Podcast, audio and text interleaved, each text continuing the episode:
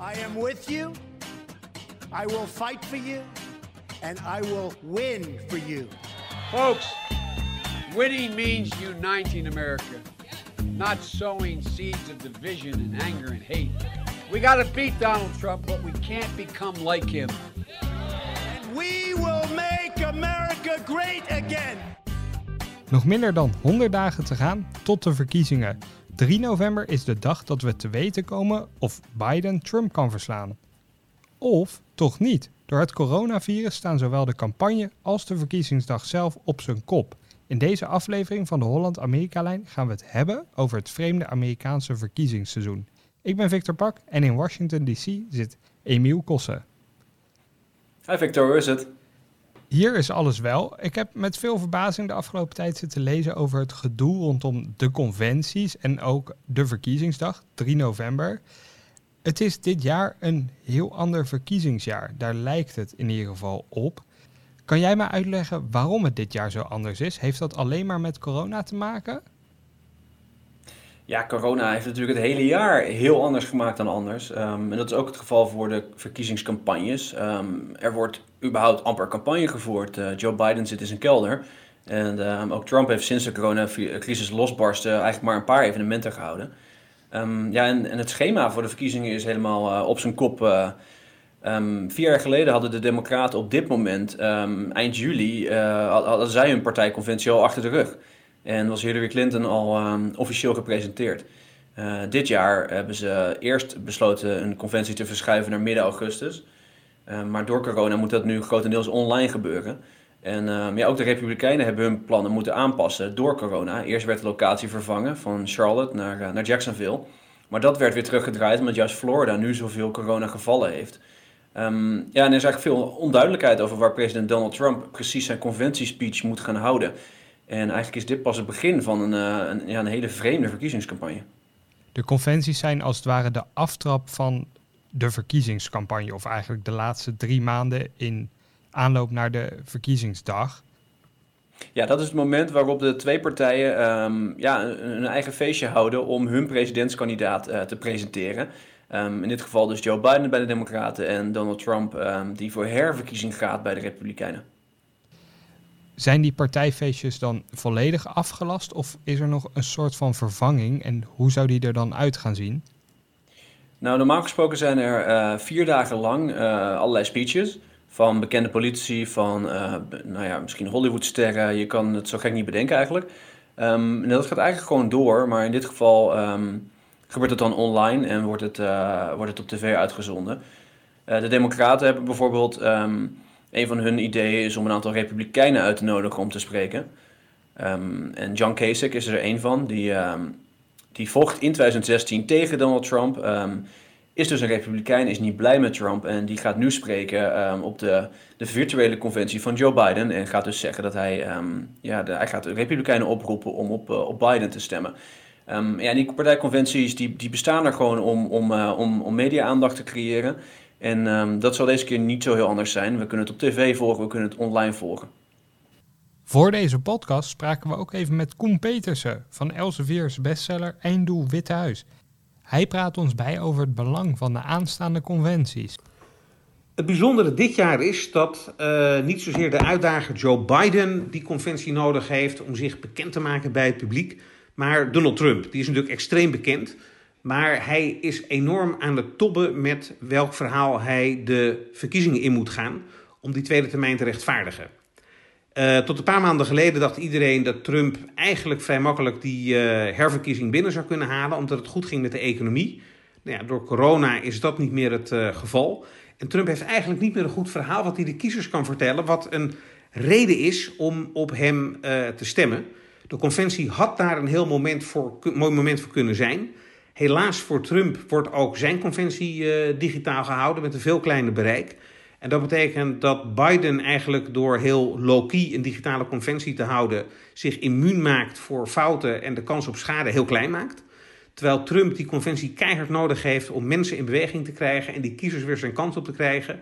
En eigenlijk uh, wordt dat middel hem nu uit handen geslagen, omdat een digitale conventie naar verwachting veel minder impact zal hebben dan een uh, tussen aanhalingstekens echte conventie. Met een volle zaal, enthousiaste menigte, ballonnen, speeches, feestjes, muziek. Dus uh, Trump zal ervan balen dat die conventie niet door kan gaan zoals uh, gepland. En Biden zal misschien opgelucht ademhalen, omdat hij misschien met een negatieve convention bounce slechter eruit zou zijn gekomen dan dat hij erin was gegaan. En wanneer begonnen partijen met het organiseren van de eerste conventies? Sinds de presidentsverkiezingen van 1832 worden er door de grote partijen partijconventies gehouden. En dat zijn eigenlijk partijcongressen waarbij formeel de belangrijkste taak is de kandidaten voor het presidentschap en het vicepresidentschap officieel aan te wijzen. Die kandidaten kunnen daarmee ook zichzelf opnieuw aan de Amerikanen presenteren. Ze kunnen zeggen waar ze vandaan komen, wat hun levensverhaal is, waarom ze de ambitie hebben voor het uh, hoogste en op ene hoogste ambt. En uh, op die manier kiezers enthousiast maken voor hun uh, kandidatuur. Daarnaast is het ook belangrijk dat na voorverkiezingen die soms ook een verwoestend effect op partijen kunnen hebben, om eenheid uit te stralen. Van de strijd is gestreden intern en wij gaan allemaal achter onze kandidaat staan. Ten slotte kan een uh, conventie ook vertellen waar staan wij als partij nou eigenlijk voor en wat is het grotere verhaal waarom wij als partij het beste kunnen bereiken voor uh, de kiezers en voor Amerika als, als land. Het succes van die conventies wordt eigenlijk altijd gemeten in zogenaamde convention bounce. En dat is een sprong in de peilingen tijdens de conventie door alle positieve aandacht die een kandidaat zo'n voorsprong moeten geven dat dat eigenlijk voor de opponenten niet meer in te halen is. Ronald Reagan in 1980 en Bill Clinton in 1992 slaagden daar ongelooflijk goed in en bouwden een voorsprong op tijdens de conventie die ze in die campagne niet meer hebben weggegeven. En ze wonnen ook beide de verkiezingen als uh, uitdager van een uh, zittende president. En wat staat jou bij als de meest opzienbarende conventie? De meest chaotische partijconventie van min of meer de afgelopen uh, periode is die van 1968 geweest van de Democraten in uh, Chicago. En de reden was dat Lyndon Johnson als zittend president eigenlijk nog een termijn had gewild. Maar die had zoveel schade opgelopen door de Vietnamoorlog dat er heel veel andere kandidaten waren opgestaan bij de voorverkiezingen om zich tegen dat beleid te keren. En die waren zo succesvol dat Johnson dacht: ik kan eigenlijk gewoon niet meer winnen, laat ik maar zelf de witte vlag hijsen. Uh, hij schoof zijn vicepresident Hubert Humphrey naar voren als uh, kandidaat om hem op te volgen. Maar die had aan de voorverkiezingen niet meegedaan. En dat was toen ook nog helemaal niet uh, verplicht. Dus de partijbaronnen hebben toen eigenlijk de voorverkiezingen resultaten in de wind geslagen en hebben Humphrey gekandideerd. En de aanhangers van die andere kandidaten waren daar zo boos over dat in een conventiezaal mensen elkaar echt te lijf gingen. En ook buiten protesten zo uit de hand liepen dat uh, het met de chaos die ontstond voor Lyndon Johnson zelf ook onmogelijk was om zijn eigen partijconventie als zittend president uh, te bezoeken. Nou, Humphrey won de nominatie en verloor de verkiezingen van uh, Richard Nixon. Maar het leidde wel tot een intern debat met ongelooflijk belangrijke gevolgen. Namelijk dat bij de Democraten de voorverkiezingen sindsdien bindend zijn voor het aanwijzen van de presidentskandidaat. Dus de partijbaronnen met rokerige achterkamers werden afgeschaft en de kiezers kregen het voor het zeggen. En de Republikeinen namen het over. Dus eigenlijk kun je zeggen dat die chaotische conventie van 1968 hele grote gevolgen heeft gehad, omdat bij beide partijen sindsdien de voorverkiezingen bindend zijn voor het aanwijzen van die uh, kandidaat. Dankjewel, Koen. Wij gaan het nu verder hebben over de verkiezingsrace van dit jaar en dan kijken we als eerst naar de peilingen. Hoe staan Biden en Trump er nu eigenlijk voor, Emiel? Ja, het is nog vroeg natuurlijk, het is uh, drie maanden voor de verkiezing, maar op dit moment staat Joe Biden er erg goed voor. Um, het belangrijkste is altijd om te kijken naar um, de, uh, de peilingen in de verschillende staten, omdat je in Amerika um, kiesmannen krijgt per staat. Dus als je een staat wint, krijg je die kiesmannen en als je de meerderheid van de kiesmannen hebt, word je president. Ja, en als je kijkt naar die staten, uh, swing states, Wisconsin, North Carolina, Florida, Pennsylvania, Michigan, Arizona zelfs. In al die staten staat Biden voor. Uh, in sommige gevallen vrij royaal voor, in sommige gevallen nipt voor. Maar het feit dat hij um, er zo goed voor staat in al die staten geeft de Democraten heel veel vertrouwen. Um, voor het presidentschap, maar ook voor de races in het congres, um, in het Huis van Afgevaardigden en zelfs de Senaat. Denken de Democraten nu een, een goede kans te maken. Maar wat ik zei, het is vroeg. Het zou niet de eerste keer zijn dat een race in de laatste drie maanden totaal op zijn kop is gezet. En ja, Trump die houdt hoop dat hij, uh, dat hij net als in 2016 een enorme verrassing uit, uit zijn hoge hoed kan toveren. Maar dat is dus een heel andere campagnetactiek die dan gebruikelijk voor een zittende president. Vaak presenteren zij zichzelf als: kijk eens wat ik gedaan heb de afgelopen vier jaar. En geef me nou nog eens vier jaar om het, om het verhaal te, te voltooien. Zo deed Obama dat, Bush deed dat zo, Clinton deed dat zo. Die, die four more years, die, die term komt daar vandaan. Je ziet het ook al terug aan de slogan. Hè? Make America Great Again is eigenlijk nooit echt uh, verdwenen. Ondanks dat Trump nu vier jaar heeft gehad om, om daar iets aan te doen, om Amerika groter te maken. Uh, eventjes werd er gezegd, uh, we maken van de slogan Keep America Great. Maar uh, ja, heel veel, Amerikanen hebben niet het idee dat Trump nou zoveel voor elkaar heeft gekregen. Um, ja, en het was ook pas, dat is stuitend in een interview met, uh, met Sean Hannity, met een, een bevriende presentator, die Trump vroeg, wat is eigenlijk je visie voor, voor de komende vier jaar? En ja, die visie was er eigenlijk niet. Uh, zijn antwoord kwam erop neer dat de democraten hem altijd tegenwerken en dat de Amerikanen vooral niet uh, links moeten stemmen in november. En dat was ongeveer zijn gehele antwoord. Dus je hebt gelijk, uh, Trump is natuurlijk een president geweest die moeilijk te vergelijken is met zijn voorgangers. En dat is hetzelfde nu met, met deze campagne. Wat is dan het campagneverhaal van Joe Biden? Waarmee probeert hij de kiezer naar de stembus te lokken?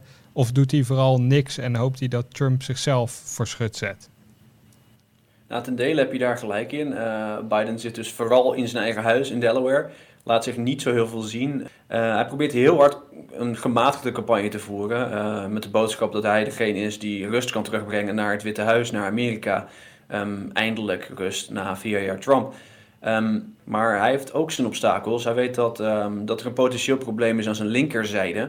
hij moet al die Bernie Sanders supporters die, die, die tijdens de voorverkiezingen niet op hem stemden uh, nu tevreden zien te houden. Um, en dat kun je zien. De afgelopen paar weken heeft hij uh, een x-aantal plannen naar buiten gebracht. Die uh, een stuk ambitieuzer klinken dan, um, dan wat hij normaal gesproken zegt tijdens zijn speeches. Um, er is een idee om klimaatverandering tegen te gaan. dat mag zomaar 2 biljoen dollar kosten. En heeft opeens alinea's over milieuracisme. Een, een, een van die termen, van die politiek correcte termen die, die de mensen van Bernie Sanders, et cetera, gebruiken. Biden heeft allerlei plannen om inkomensverschillen uh, aan te pakken, uh, wil gratis kinderopvang regelen, wil het zorgverzekeringsstelsel uitbreiden. Kost allemaal een hoop geld, um, dus de belastingen zullen omhoog moeten. En ja, het grote risico is als hij te ver gaat in al deze plannen, in al zijn gestes richting links, uh, dat hij het risico loopt dat gematigde kiezers in november thuis blijven. Dus de plannen van Biden zijn een stuk progressiever dan het imago van Biden. Dat is zeker waar, ja. En plannen zijn natuurlijk wat anders dan, um, dan uh, beloftes die hij ook daadwerkelijk kan uit, uh, uitvoeren. Um, als Biden wint in november, maar de Senaat blijft republikeins, dan kun je eigenlijk al die plannen in de prullenbak gooien. Um, dus dat is wel belangrijk om, om daarbij te vermelden. Plannen zijn een idealistische visie. en in Amerika gaat ook vrijwel niemand vanuit dat al die beloftes ja, worden, worden vervuld. Normaal gesproken zie je niet alleen in Amerika, maar eigenlijk in de hele politiek dat na bijvoorbeeld een strijd binnen een partij, um, waarbij vaak de flanken worden opgezocht, de kandidaten dan, als ze het grote publiek willen aanspreken, wat gematigder worden. Als ik jou zo hoor, dan eigenlijk voor zowel Trump als Biden gaat dit niet op. Ze zijn vooral bezig met het bereiken van de flanken van hun eigen partijen en niet zozeer met de gemiddelde Amerikaan die misschien een beetje tussen hen in zit. Ja, Trump heeft het natuurlijk altijd al gedaan. Zijn hele uh, politieke carrière is daarop gebaseerd. Om, uh, ja, om, om de groep die, die zijn argumenten, zijn uh, populistische argumenten uh, verwelkomt, om, om die groep heel erg te bereiken. Um, daar is hij ook heel goed in. Hij heeft een enorme hoge approval rating onder zijn eigen supporters. Het is de vraag of die groep groot genoeg is. Bij Joe Biden is het inderdaad opvallend. maar het is even afwachten hoe zijn speech op de conventie gaat klinken. Het zou heel goed kunnen dat hij daar ja, weer klinkt als een, uh, als een staatsman met, uh, met heel gematigde ideeën. En um, ja, dan komt dat dus wel uit dat die strategie zo is dat je tot de conventie um, ja, misschien probeert de flanken een beetje te dekken. En na die conventie dat je wat meer naar het midden gaat. Eén ding staat in ieder geval wel vast. Het worden unieke verkiezingen. En dat heeft alles te maken met het coronavirus. Mogelijk weten we op de dag zelf van de verkiezingen nog helemaal niet wie er gewonnen heeft terwijl dat normaal hartstikke gebruikelijk is. Laten we eens terugblikken hoe CNN in 2016 hun verkiezingsdag inluidde.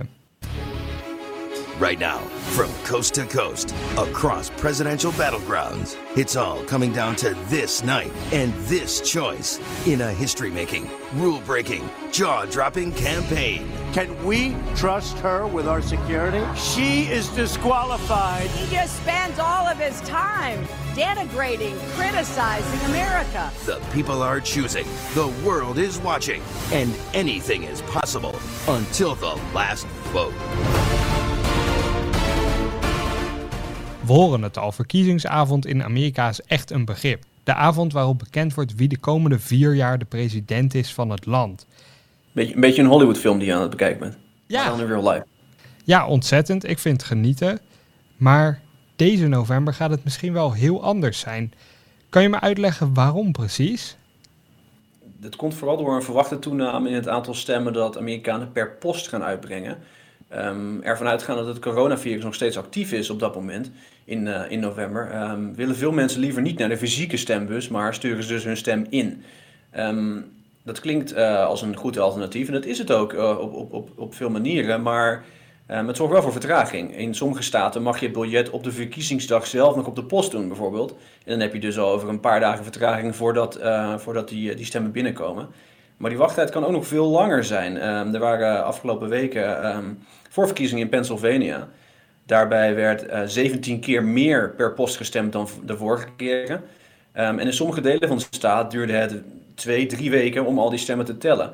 Um, ja, Pennsylvania is een swing state. Je moet er niet aan denken dat uh, wij in november drie weken moeten wachten tot wij weten uh, ja, wie Pennsylvania heeft gewonnen. Want zoals we zagen in 2016, dat kan een beslissende staat zijn. Het heeft dus alles te maken met dat stemmen per post. De ene staat heeft dat ook beter georganiseerd dan de andere. Wat voor voorbereidingen worden er getroffen op een coronaverkiezing? Nou, als je um, inzoomt op stemmen per post, um, het is op zich niks nieuws. Er waren al um, bijna 40 staten en Washington DC die dat toelieten. en in die andere staten had je echt een reden nodig om per post te stemmen. Bijvoorbeeld omdat je, omdat je ziek was en, en, niet uh, fysiek uh, kon, uh, kon verschijnen. Um, door corona heeft vrijwel elke staat die regels opgerekt en het makkelijker gemaakt om per post te stemmen. Um, dat is ondanks Trumps opmerking dat uh, er enorme mogelijkheden voor fraude zijn wat betreft uh, stemmen per post. Maar Trump stemde zelf ook nog wel eens per post, toch? Ja, dat klopt. Hij heeft trouwens wel een punt dat er een, een hoop uh, haken en ogen aan zitten. Um, ja, het systeem is gewoon zo warrig. Alle staten hebben hun eigen regels. Um, dat er heel veel verwarring uh, omheen is. Uh, sommige staten sturen bijvoorbeeld stembiljetten automatisch uh, op naar stemgerechtigde inwoners. bij andere moet je een biljet aanvragen. Ja, dat automatisch versturen, dat klinkt aardig, dat klinkt, dat klinkt fijn. Maar als je adres is veranderd de afgelopen vier jaar, kan het zomaar zo zijn dat jouw stembiljet bij iemand anders uitkomt. En dat er dus inderdaad kans is op fraude. Um, en uh, ja, er zijn nog veel meer van dit soort regels. Sommige staten willen dat jij een postzegel uh, zelf opplakt. Sommige staten geven je een postzegel erbij. Um, sommige staten eisen dat jouw stembiljet op 3 november binnen is. Maar ja, dan moet het postbedrijf wel meewerken. Er zijn een aantal zaken die tot zorgen leiden bij, um, bij de mensen die verkiezingen analyseren. De verkiezingen deze november zijn dus eigenlijk een heel warrig proces. En dat weten we nu al ongeveer. Ja, en het is ook zo uh, wat betreft fysiek stemmen. Ook dat gaat heel anders zijn dan, uh, dan voorheen. De kleinere stemlokalen blijven waarschijnlijk dicht. Uh, normaal gesproken gaan bejaardentehuizen open, gaan scholen open. Um, ja, plekken met een hoog coronarisico, ja, die blijven waarschijnlijk dicht. En er zijn juist in allerlei staten plannen om gigantische stemlokalen te openen. Stadions, conferentiecentrums, dat soort, dat soort plekken. Um, en we kunnen verwachten dat er hele lange wachtrijen uh, gaan zijn. Er moeten allerlei tijdrovende uh, regels worden ingevoerd. Het schoonmaken van kieshokjes. Dat zagen we al tijdens voorverkiezingen van de Democraten, dat dat de wachttijd enorm doet oplopen. Het klinkt allemaal als een heel chaotisch proces. Heeft niemand daar dan de leiding over? Is dit echt een proces dat per staat totaal verschilt? Zoals zo vaak in Amerika. Um, eigenlijk zou je willen bij dit soort zaken dat er inderdaad nationale leiding is, een, een nationale standaard. Dat is er dus niet. Vandaar dat altijd uh, stemmen per post zo, uh, zo, zo verschillend uh, gaat per staat. Um, ja, vrijwel elke staat probeert nu maatregelen te nemen om catastrofes te voorkomen. Dus je mag hopen dat het uiteindelijk meevalt. Maar wat vooral opvalt um, is dat zo weinig Amerikanen door lijken te hebben wat voor problemen deze coronaverkiezingen eigenlijk met zich mee zullen brengen. Er wordt gedaan alsof dit gewone verkiezingen zijn, maar ja, dat is niet zo. Je hoort amper iets over die vertragingen die waarschijnlijk niet te voorkomen zijn. En ja, ik denk dat dat uiteindelijk zomaar eens kan leiden tot grote verwarring in de dagen na de verkiezingen. Ja, en we weten hoe, uh, hoe geduldig uh, de zittende president is. Hè? Verwacht je daar dan problemen mee dat Trump zich niet kan neerleggen bij een uitgesteld resultaat? Nou ja, we zagen het ook al in 2016. Um, hij, hij, gooit vaak van die proefballonnetjes op. Die zegt van, nou ja, ik, uh, ik, ik, accepteer het als ik win. Um, er zijn wel degelijk democraten die zich, uh, die zich zorgen maken over dat uh, Trump, mocht hij verliezen na inderdaad een, een, een uitstel, uitstel van de resultaten, dat hij niet zomaar zal opstappen. Maar goed, daar hebben we geen concreet bewijs voor dat het, dat het gaat gebeuren. Dus laten we het maar hopen dat, dat de democratie wat dat betreft overeind blijft. The president, as you know, has been tweeting today about Puerto Rico. As we sit here testifying, the president is attacking you on Twitter. Twitter is a wonderful thing for me because I get the word out. Germany pays Russia billions of dollars a year for energy, and we're supposed to protect Germany from Russia? What's that all about? Also, Germany is very delinquent in a 2% fee to NATO. We are therefore moving some troops out of Germany. Trump zegt dat hij een aantal troepen weg gaat halen uit Duitsland. En het gaat niet zomaar om een aantal. Liefst 12.000 Amerikaanse soldaten verlaten hun basis in Duitsland. Een flinke verschuiving, ook voor het NAVO-bondgenootschap. Waarom doet Trump dit? Nou, zoals hij in zijn tweet zegt, uh, gaat het om twee zaken. Uh, enerzijds koopt Duitsland volop Russisch gas in, uh, wat erop hint dat de Russen misschien toch niet zo'n veiligheidsrisico zijn. En Trump noemt de lage um, NAVO-bijdrage van de Duitsers als een reden. Um, het is maar de vraag of dat de echte redenen zijn. Um, als je bijvoorbeeld kijkt naar die NAVO-bijdrage. een aantal van de, de soldaten, van die 12.000, ongeveer de helft, gaat naar Italië en België. En dat zijn landen die nog minder bijdragen aan NAVO. Dus hij is ontevreden over Duitse NAVO-bijdrage, maar hij verplaatst de troepen deels naar landen die nog minder bijdragen aan de NAVO. Wat, wat is dan de echte reden van Trump? Ja, dat is natuurlijk gissen, maar um, je kan wel stellen dat het weghalen van een aantal troepen uit Duitsland uh, prima past binnen zijn America First strategie. Um, hij probeerde ook al soldaten weg te halen uit uh, landen in het Midden-Oosten. Daar werd hij steeds tegengewerkt door zijn eigen Pentagon. Um, soldaten terughalen uit Duitsland was iets makkelijker en dat is voor hem wellicht een, uh, een goed campagnemoment. Um, tegelijkertijd uh, kijken analisten ook naar um, de slechte relatie tussen Trump en bondskanselier Merkel als een van de redenen. Niet zo lang geleden weigerde zij een G7-top bij te wonen uh, die Trump voorstelde. En dat was het zoveelste opstootje tussen de twee leiders die elkaar echt niet kunnen uitstaan. En ja, het zou niet voor het eerst zijn dat Trump zijn persoonlijke fetus uitvecht door omstreden beleid te voeren. Maar hoe erg is dit dan? Uh, die Amerikanen hielden ook Nederland veilig in die zin. Mo moeten we voor iets vrezen verder of valt het wel mee? Nou, de politici uh, in Amerika, van beide partijen trouwens, die, uh, die waarschuwen wel dat dit een, een, een, gigantische fout is. Dat het echt de, de, veiligheid van, van Europa in het, in het geding brengt. Maar het is de vraag of het echt zo erg is. een paar dagen na Trumps aankondiging dat er troepen uit Duitsland worden gehaald, uh, sloot hij ook een, een, overeenkomst met Polen om daar juist 5000 extra troepen neer te zetten. Dus als je het op die manier bekijkt, dan, dan gebeurt er ook weer niet zoveel. Een soort Europese stoelendans met Amerikaanse soldaten. Er gaat wat weg uit Duitsland, er komt wat bij in Polen en wat bij in België en Italië. Ja, en we hebben het nog niet eens over dat dit soort, dit soort maatregelen vrij lang duren. Het is helemaal niet zo heel makkelijk om, om al die mensen weg te halen uit Duitsland en zomaar in, in een ander land te zetten. Daar moeten ook nieuwe kazernes worden gebouwd. Dat duurt eventjes en het kost heel veel geld. Dus er is ook nog een kans dat, dat als Trump verliest, dat Joe Biden een deel van deze maatregelen weer kan, kan terugdraaien. Tot slot, je zei al dat Republikeinen zelf ook niet echt blij waren met Trumps besluit. Ja, dit is eigenlijk iets wat we keer op keer hebben gezien. Um, als het gaat over transatlantische relaties, um, dan zijn de Republikeinen net zo um, positief over die relatie met Europa als de Democraten. De Republikeinen zitten niet te wachten op een verzwakking van de NAVO. En daarom zijn ze dus ook tegen dit besluit. Maar Trump kan het zelf beslissen, dus in dit geval kunnen ze er niks aan doen. Dit was de Holland en Mikkelijn van deze week. Veel dank aan Koen Peetsen die ons bijpraten over de conventies. En natuurlijk veel dank aan u voor het luisteren. Wilt u de volgende podcast ook ontvangen? Vergeet u dan niet te abonneren in uw favoriete podcast app. Graag tot de volgende keer.